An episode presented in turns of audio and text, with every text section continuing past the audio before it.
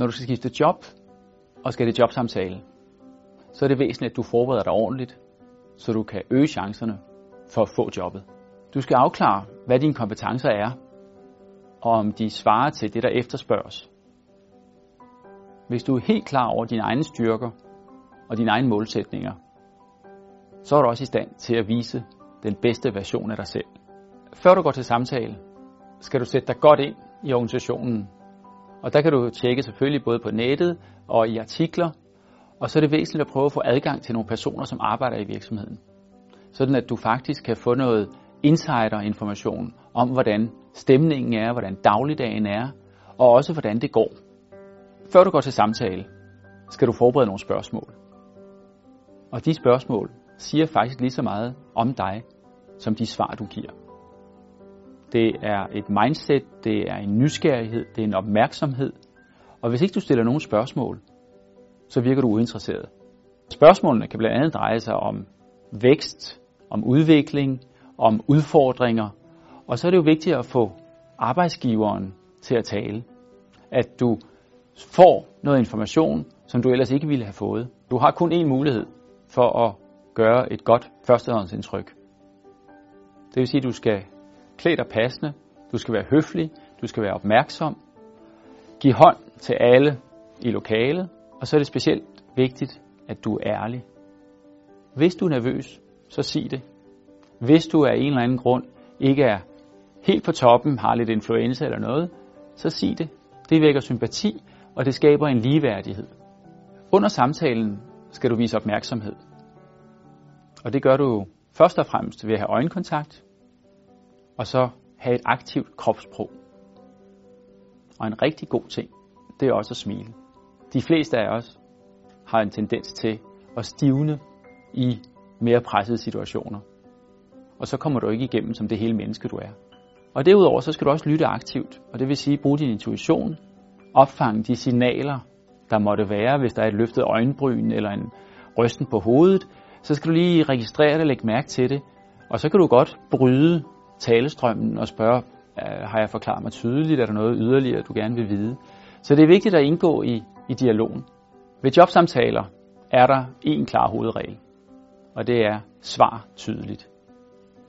Cut the crap and answer the question. Hvis du svarer vævende, så vil det skabe en uro, det vil skabe en utydelighed, og det er absolut ikke til din fordel. Din opgave, det er at komme igennem med fuld styrke. En måde at gøre det på, er at begrænse dig til det, som skaber værdi i forbindelse med jobbet. Nogle gange kan du være fristet af at fortælle en anekdote fra tidligere, som måske ikke er særlig relevant. Så fokuser på opgaven og fokuser på at underbygge dine egne styrker og dine egne resultater. Du må ikke glemme at være empatisk. Du skal sætte dig i den anden sted og kunne se dig selv udefra. Hvad er det, de er interesseret i at høre? Hvad er det, de gerne vil fokusere på? Og så følger du selv efter og underbygger det.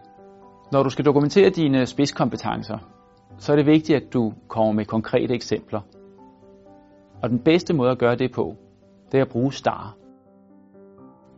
Det er en model, som består af situation, task, action og result. Hvad var situationen? Hvad var opgaven?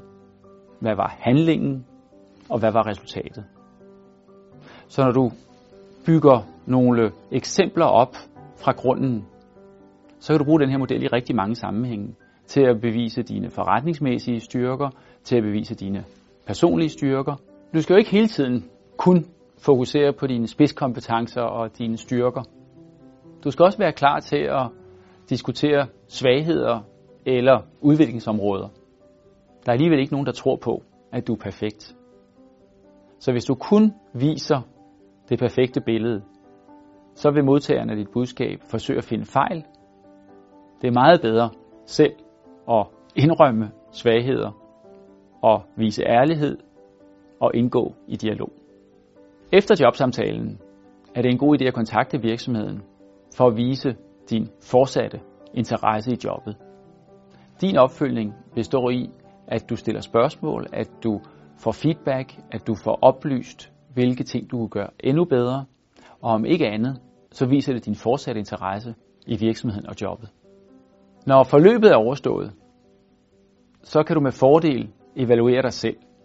Og det vil sige finde ud af, hvad du gjorde godt, hvad du gjorde dårligt, hvad du kan forbedre til næste samtale, hvis det bliver nødvendigt. Ved at følge disse råd, så øger du chancerne for at få jobbet. Og jeg vil i hvert fald gerne ønske dig held og lykke med jobsamtalen.